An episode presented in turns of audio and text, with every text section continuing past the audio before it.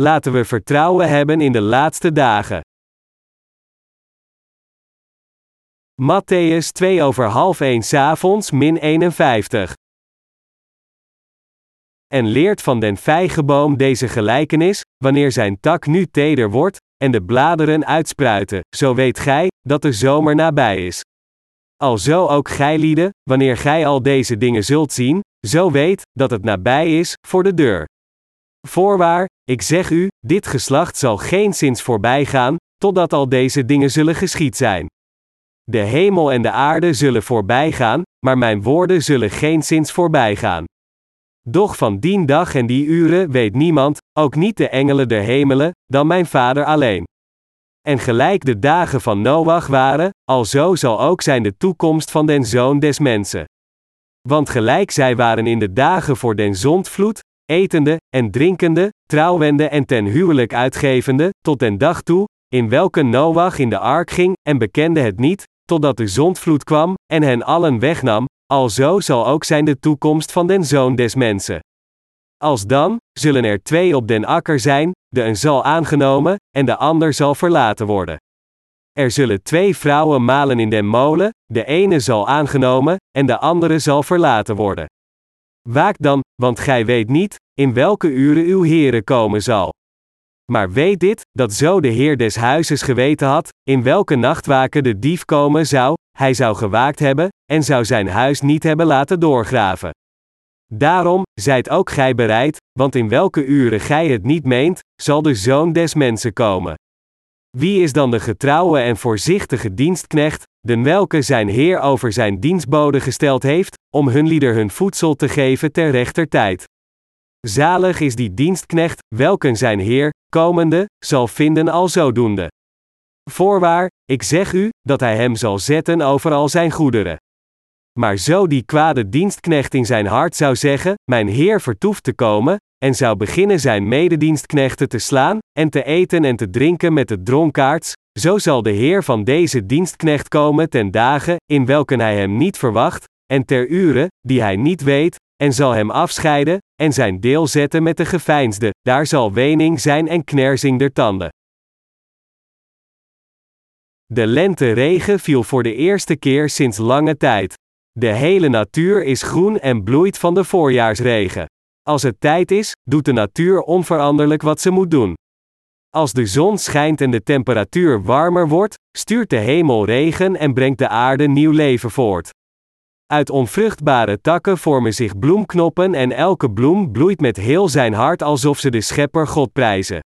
Ik kijk naar deze dingen, denkend, er is een tijd dat alle dingen nieuw worden gemaakt, en ik denk aan het duizendjarige koninkrijk dat hier op deze aarde gevestigd zal worden en ik kijk uit naar de nieuwe hemelen en de nieuwe aarde. U zult tegenwoordig wel druk en moe zijn van veel dingen. Ik realiseer me dat de tijd snel voorbij gaat. Nadat ik mijn agenda op maandag inplan en begin met werken, is het alweer tijd voor de woensdagavonddienst. Als ik twee of drie dagen druk werk, komt de dag van de Heer steeds dichterbij. Een week gaat zeker snel voorbij. Na dit en dat te hebben gedaan en een paar aanbiddingsdiensten te houden, vliegt de week voorbij en is het zo weer maandag. Na vier van die weken te hebben doorlopen, gaat er snel een maand voorbij. Elke maand houden onze kerken in de elke regio om de beurt een herlevingsbijeenkomst, en als ik terugkom van de bijeenkomst, realiseer ik me dat er weer een maand is verstreken. Spoedig, wanneer het juni is, zal het na de drukte van de FIFA Wereldbekerwedstrijden 2002 voorbij gaan, die in ons land worden gehouden, en wanneer juli komt, zullen we ons afvragen: waarom is het zo heet? Ik ga dood van de hitte, en terwijl we uitkijken naar koelte, zal augustus komen en na het lijden van een nog grotere hitte, zal het spoedig tijd zijn voor onze herlevingsbijeenkomst. Nadat we ons verzameld hebben in het Indja Centrum en de week hebben doorgebracht met onze geest en onze lichamen te laten rusten terwijl we de genade ontvangen, is augustus ook weer snel voorbij. Wanneer de hitte afneemt en de herfst voor de deur staat, wordt het winter zodat we onze dikke parka's uit de kast moeten halen en dan begint binnenkort alweer een nieuw jaar. De tijd gaat snel voorbij en het is goed dat de tijd snel voorbij gaat, maar ik wou dat ik mijn werk dat ik moet doen ook zo snel kon afmaken. Ik ben nog steeds jong van hart, maar mijn lichamelijke leeftijd heeft, een halve eeuw al een paar jaar overschreden, de dagen vliegen absoluut voorbij. Bovendien verkeren de wereldwijde zaken in zo'n urgente staat dat ik denk dat de profetieën in openbaring worden vervuld. Als u in openbaring kijkt, staat er dat in de laatste dagen het merkteken 666 zal worden gezet op het voorhoofd of de rechterhand van een persoon. Dit teken is de naam van de Antichrist of het nummer van zijn naam, Openbaring 13 vers 17.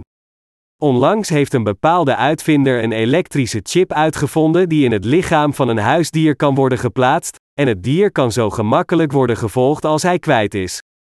De elektrische chip wordt in het dier geplaatst met een apparaat vergelijkbaar met een naald, en dit is in enkele seconden gebeurd. De chip is nuttig omdat het al de informatie bevat over het dier, zodat het dier naar zijn eigenaar teruggebracht kan worden als hij vermist is. Dat niet alleen, maar het is ook mogelijk dat men het geboortejaar van het dier weet, het ras, informatie over zijn gezondheid, geboorteplaats en het woonadres van de huidige eigenaar.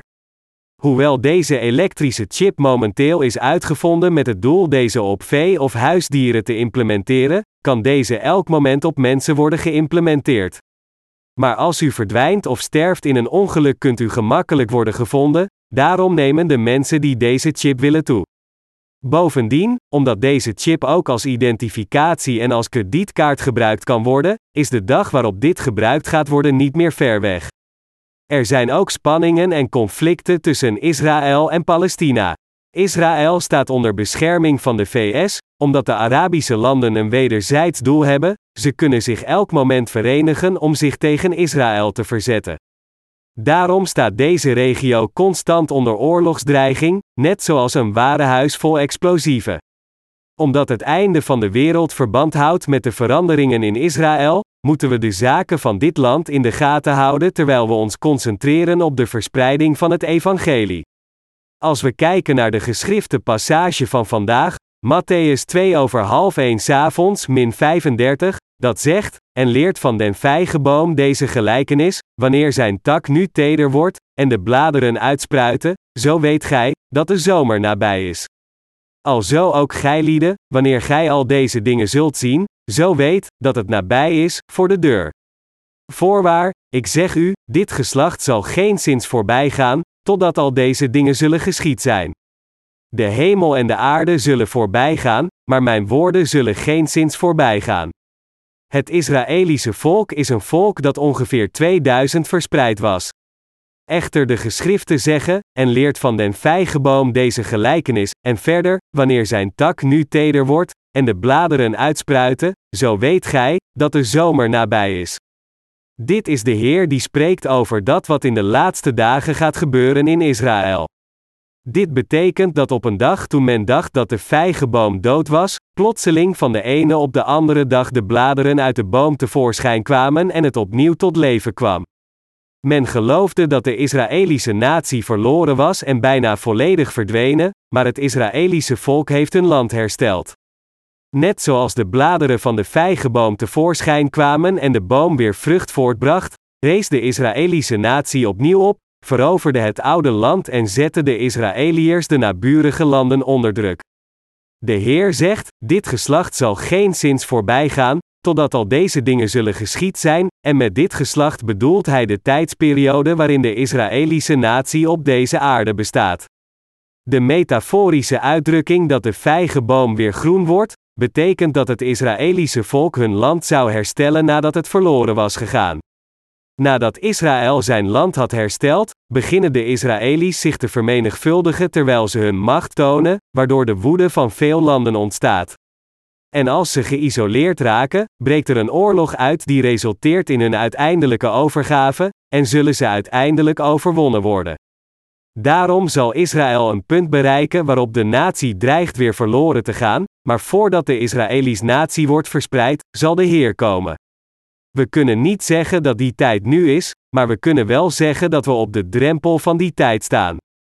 Als we kijken naar Openbaring, staat er dat in de toekomst een draak met zeven koppen uit de zee zal opstaan. Dit betekent het verschijnen van koningen in de wereld die geweld zullen plegen. Eerlijk gezegd verschijnen er over de hele wereld agressieve heersers.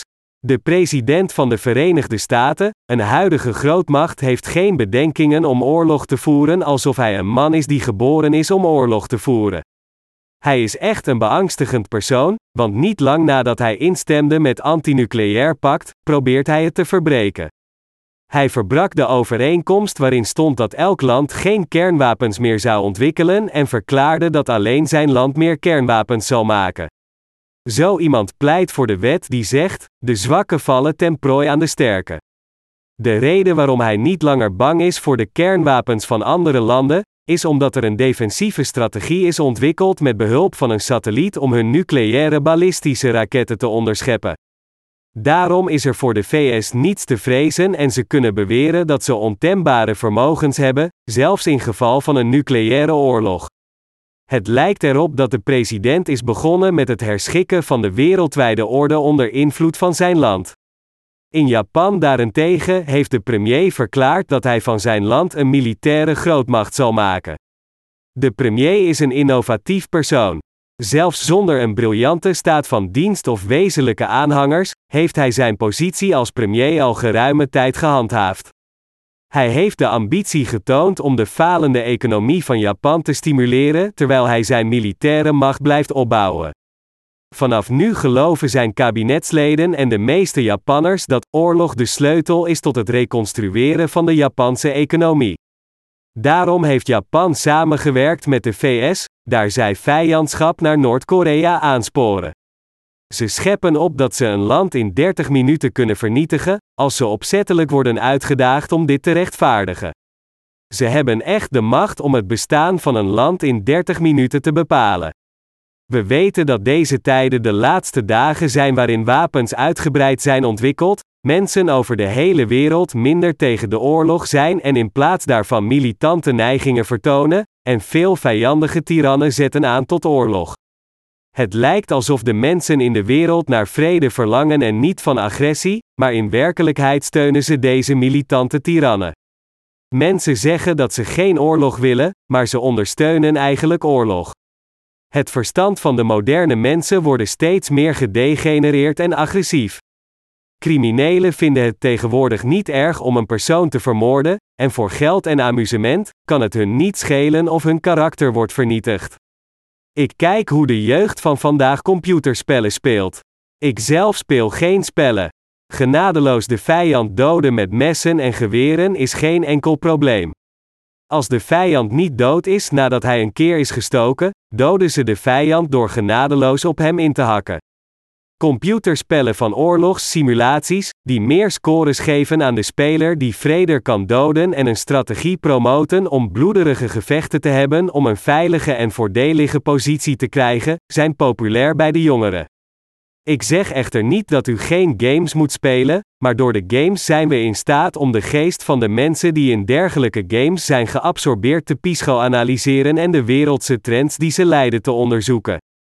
Of ze het willen of niet, mensen die veelvuldig contact hebben met zulke vrede en gewelddadige dingen zullen gewelddadige mensen worden.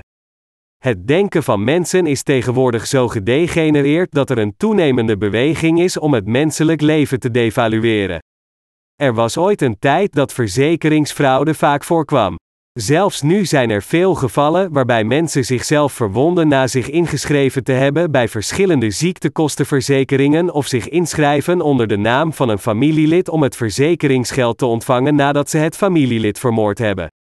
Deze gebeurtenissen tonen de neigingen van de wereld om materialisme te waarderen boven het menselijk leven.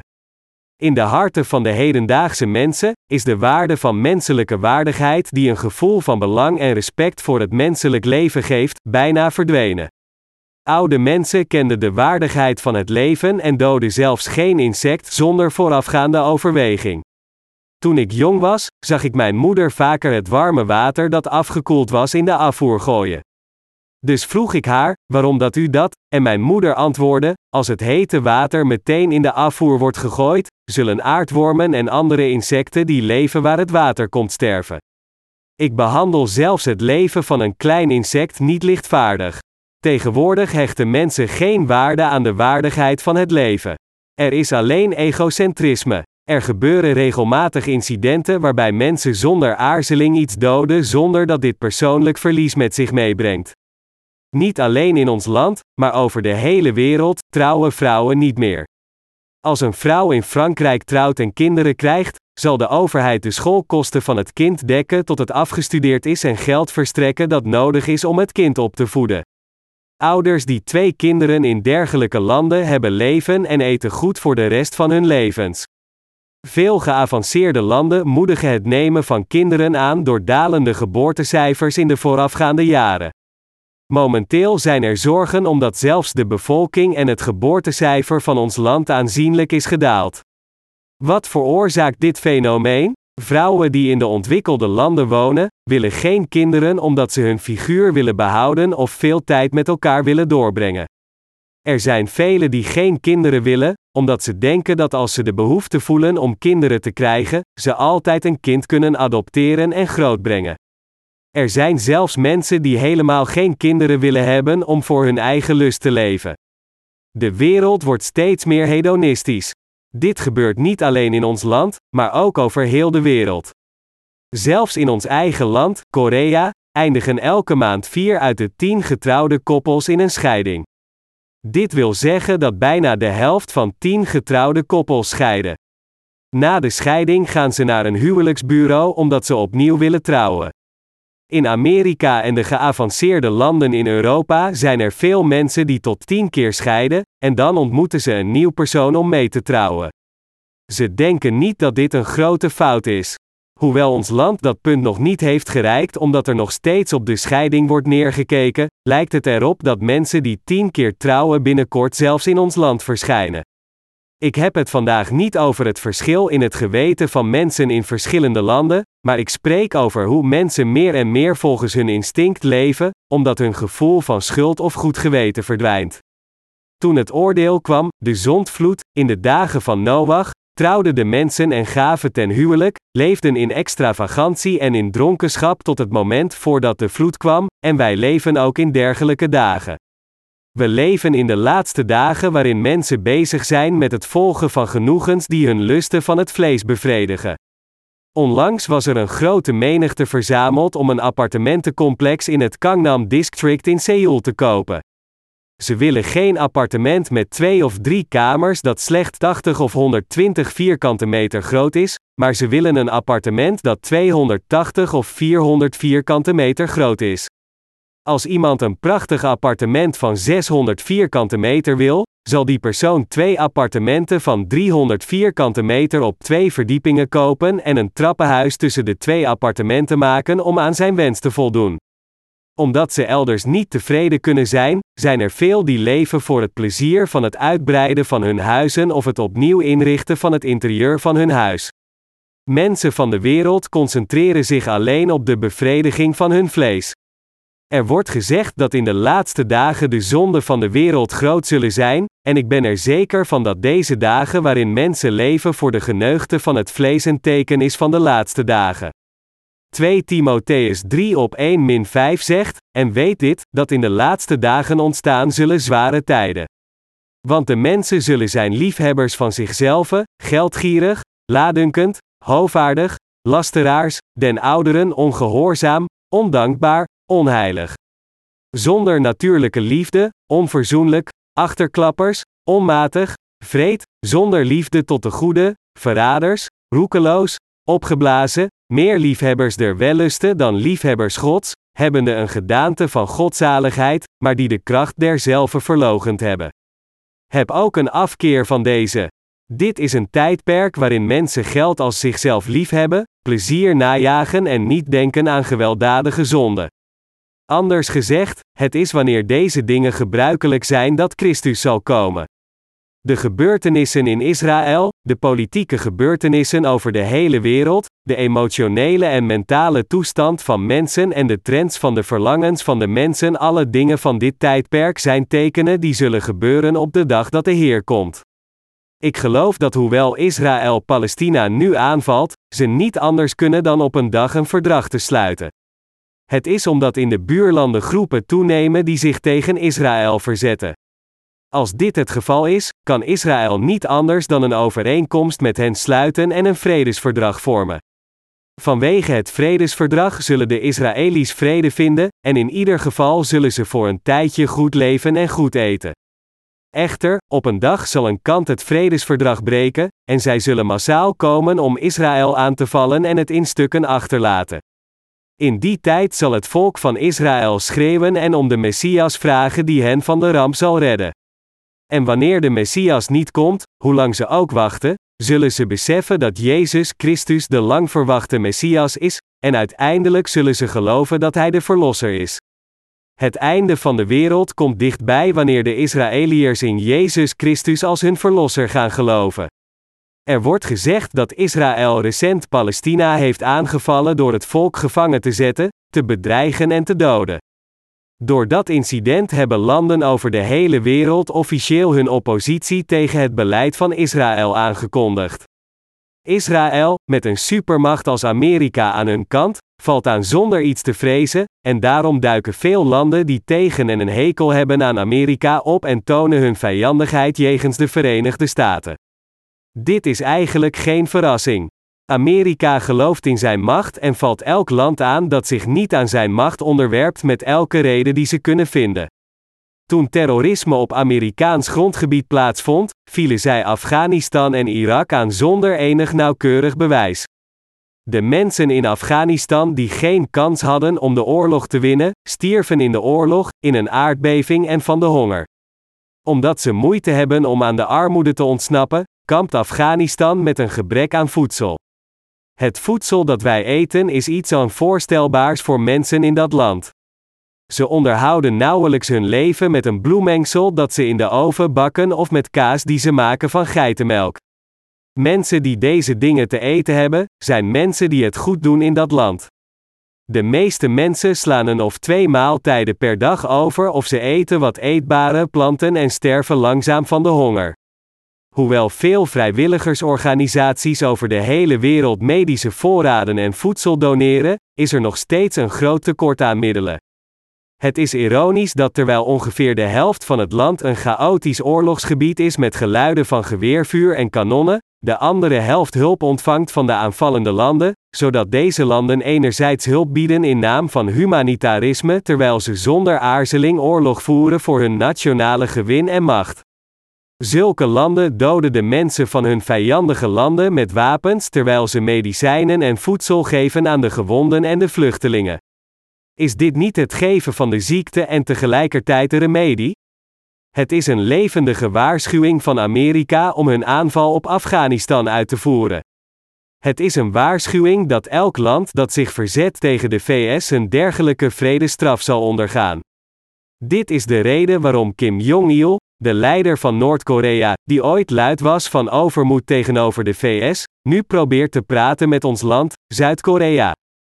Hij wil de bouw van de energiecentrale van de lichtwaterreactor hervatten en de spoorweg van ons land naar Noord-Korea weer opbouwen. De enige persoon die in staat is om moedig tegen de VS te blazen is Kim Jong-il. Van de ene kant is hij een indrukwekkend persoon, maar van de andere kant is hij ook de meest gevaarlijke persoon. In de laatste dagen zullen een paar situaties gebeuren, waarvan het eerste teken in Israël zal worden gezien.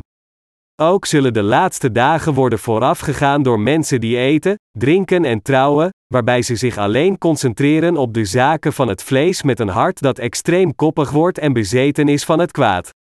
Dit wil zeggen dat mensen in de laatste dagen een hart gek van kwaadheid hebben en een gekke levensstijl leiden. Wanneer dergelijke dingen constant gebeuren en onvoorstelbare slechte zaken regelmatig voortkomen, moeten we ons realiseren: a. De dag van de komst van de Heer is nabij. De laatste dagen waar de Heer over spreekt zijn de dagen waarin wij nu leven. Het tijdperk waar wij vandaag in leven is het laatste tijdperk beschreven in de Bijbel. We leven in de laatste dagen besproken in het Woord. Ik vertel u dit niet om u bang te maken of om u te bedreigen. Realistisch gezien vertel ik u dit van tevoren omdat we in de laatste dagen leven. De harten van de hedendaagse mensen zijn verschrikkelijk. Lang geleden hadden we zo'n goede relatie met onze buren dat we zelfs die ene boon die we hadden deelden, maar het is moeilijk dit vandaag te verwachten. De harten van de mensen van vandaag zijn zo koud en droog, zo onvruchtbaar en koppig, dat de verschillende gebeurtenissen waarover ik in het nieuws hoor schokkend zijn. De Heer zei, en omdat de ongerechtigheid vermenigvuldigd zal worden, zo zal de liefde van velen verkouden, Matthäus 12 over 12 avonds, in de laatste dagen, en dit vers is een realiteit aan het worden. Net zoals het de manier van de natuur is dat de winter komt en dan met de lente, de bladeren ontspruiten die nieuw leven brengen voor heel de schepping, zal deze wereld eenmaal worden vernietigd en door de Heer zal er een dag komen waarop Hij opnieuw wordt gemaakt. We moeten leven door dit tijdperk nauwkeurig te observeren en tegelijkertijd de roeping van de Heer vervullen, terwijl we uitkijken naar de dag dat de Heer de wereld eenmaal zal vernietigen om hem weer opnieuw te schapen. Er zal geen tijdperk zijn waarin het evangelie breder en sneller verspreid zal worden dan het tijdperk waarin we vandaag leven. Er zijn zoveel dingen die we moeten doen, maar zelfs als we in dit tijdperk veel te doen hebben, wordt Gods werk ook snel gedaan. Er is geen beter tijdperk dan die waarin we leven, waarin we meer werk kunnen doen om het evangelie te verspreiden. Het werk dat u en ik moeten doen, het werk dat we voortzetten, is niets anders dan het werk van de verspreiding van het evangelie van het water en de geest. Over de hele wereld zijn er zoveel die de weg van verdoemenis volgen vanwege hun valse overtuigingen, vanwege hun onwetendheid over het evangelie van het water en de geest. Daarom is het verspreiden van het evangelie van het water en de geest aan de mensen over heel de wereld buitengewoon belangrijk, en voor deze taak hebben we veel werk te doen. Diegenen die het evangelie verspreiden moeten de tijden goed kennen als ze werken. In dit tijdperk waarin zoveel te doen is, moeten wij de mensen van God weten wat we moeten doen en hoe we moeten leven, en we moeten ijverig in zijn tijd werken, want als we tijd verliezen, zal alles te vergeefs zijn. Het tijdperk waarin we nu leven is een tijdperk dat het meest geschikt is om het evangelie te verspreiden, en omdat het de laatste dagen zijn, moeten we het werk van de verspreiding van het evangelie met heel onze harten en kracht doen. Als we naar de zaken van de wereld van vandaag kijken, moeten we nu de zaden van het evangelie planten omdat het evangelie zo goed wordt verspreid. Binnenkort zal de aarde in beproevingen vallen en wanneer de tijd komt zullen de natuurrampen kolossaal zijn. De Bijbel zegt dat een derde van de bossen plotseling zullen verbranden en de zon zal haar licht verliezen. Als over de hele wereld kolossale bosbranden plaatsvinden, zal de aarde tot de rand gevuld worden met rook en zal het zonlicht niet tot het aardoppervlak doordringen. Wat zal er dan gebeuren? Veel virussen zullen niet sterven, maar zullen in plaats daarvan gedijen, vreemde epidemieën en mysterieuze ziekten zullen zich verspreiden, mensen zullen sterven aan de beproevingen en de hele wereld zal in chaos vallen. Toen het nieuws meldde dat vee dat op het land leeft besmet was met dioxine, begonnen mensen zich te onthouden van vlees en in plaats daarvan gaven ze de voorkeur aan zeevruchten. Er wordt echter gezegd dat vissen en schelpdieren door nog meer soorten vervuiling wordt besmet dan dieren op het land. Het water is meer vervuild dan het land, en er wordt gemeld dat vissen en schelpdieren duizenden keren meer dioxine bevatten dan vlees afkomstig van dieren op het land. Weet u van het recente incident aan de kust van de Westzee dat vissen in grote hoeveelheden stierven en op het land werden gegooid? Het was een ongeluk veroorzaakt door milieuvervuiling en de vissen werden vergiftigd door de vervuiling in de zee. Mensen die verblind waren door hebzucht namen deze vis en verkochten ze op de markt. Mensen die niet beter wisten, kochten de vis en werden vergiftigd. Zo raakt de natuurlijke omgeving vervuild en sterven er mensen. Het werk dat we in deze wereld moeten doen, is niet om de wereld na te jagen, maar om het evangelie van het water en de geest overal te verspreiden. Wanneer het woord van de Heer vandaag in de wereld wordt vervuld, en wanneer het een tijd is die beter is dan elke andere tijd om het evangelie te verspreiden, moeten we meer elektronische boeken uploaden en meer gratis boeken in meer talen afdrukken, zodat we deze boeken aan de mensen over heel de wereld kunnen geven. Dit is een geweldige tijd om de zaden van het evangelie te planten. Als we kijken naar hoe de Heer werkt volgens zijn timing, lijkt het werk dat hij tot nu toe heeft gedaan niets vergeleken met hoe snel het evangelie nu wordt verspreid. Daarom moeten u en ik als evangelisten ons geloof uitleven en de tijden erkennen. In een tijd die zo geschikt is voor de verspreiding van het evangelie, kunnen we niet de enige zijn die het evangelie van het water en de geest kennen en erin geloven, maar in plaats daarvan moeten we ons haasten om het over de hele wereld te verspreiden. We moeten het evangelie zo snel mogelijk verspreiden voordat de wereld leidt aan moeilijkheden en beproevingen. Als de wereld precies zo verandert zoals het woord voorspelt, dan kunnen we niet langer het evangelie verspreiden, maar diegenen die het evangelie hoorden of ermee in aanraking kwamen door onze boeken zullen nu met hun harten in dit evangelie van waarheid geloven en de vergeving van zonden ontvangen. Nu is zo'n tijd. Daarom, omdat de kerk van God onderscheidingsvermogen heeft over dit tijdperk en de tijden kent, geven wij de mensen trouw het brood des levens. Op dit moment hebt u geen tijd om uw energieën elders te verspillen. We staan onder enorme tijdsdruk. We leven in zo'n tijd. Wanneer dit jaar voorbij gaat, zullen er vaak oorlogen plaatsvinden. Over de hele wereld zullen er enorme oorlogen plaatsvinden. In zo'n tijd zijn wij bezig het evangelie te verspreiden. Wat een opluchting en zegen is het dat de Heer ons in staat stelt dit werk te doen. We moeten niet zelfvoldaan zijn met de huidige realiteit, en laks zeggen: Ik kan gewoon zo leven tot het einde, maar in plaats daarvan, terwijl de wereld in meer chaos en verstoring valt, moeten wij ijverig werken zodat wanneer de tijd komt dat het moeilijk wordt om te werken, wij de laatste oogst kunnen bereiken. Daarna moeten we, net zoals de boer in het voorjaar zaden plant en wacht tot ze ontkiemen, wachten. Het tijdperk waar we nu in leven is het tijdperk waarin wij de zaden moeten planten, omdat de laatste dagen niet de dagen zijn om te planten, maar het de tijd is om te oogsten. God vertelt ons dit parabel van de vijgenboom te leren. Hij vertelt ons de tijd te herkennen die lijkt op de tijd van Noach en een trouwe dienaar van God te worden terwijl we het evangelie van het water en de geest verspreiden, wat het brood des levens is. Wanneer we dit echt doen, zullen we wanneer de Heer komt geprezen worden en geliefd zijn. Echter, als de persoon die de vergeving van zonde heeft ontvangen denkt dat de Heer niet snel zal komen en zich concentreert op eten, drinken, trouwen en plezier najagen, zal de Heer hem zijn deel met de huigelaars geven als hij plotseling komt op een dag waarvan hij zich niet bewust is. Matthäus 10 voor 1 avonds min 51. Zelfs als hij gered was, zal God hem streng kastijden. Hij zal worden veroordeeld als de religieuze persoon die niet in het evangelie van het water en de geest gelooft. Eigenlijk zijn deze mensen nog verwerpelijker. U en ik moeten dit tijdperk correct herkennen, en hoewel het moeilijk is, moeten we leven in de hoop dat als we meer werken, we de kroon van het eeuwige leven kunnen dragen. Maakt het u boos als u steeds hoort: het enige wat we moeten doen is iets meer werken? Nu zult u met uw ogen kunnen zien dat nieuw leven voortkomt uit elk zaadje dat we hebben geplant. Laten we daarom een extra inspanning leveren om de Heer te dienen bij het doen van zijn werk. Omdat we ons van tevoren hadden voorbereid en het missiewerk door het internet deden, hebben veel zielen over de wereld de vergeving van zonden ontvangen. Ik geloof dat de online boeken die we maakten nuttiger zullen zijn dan de papieren boeken.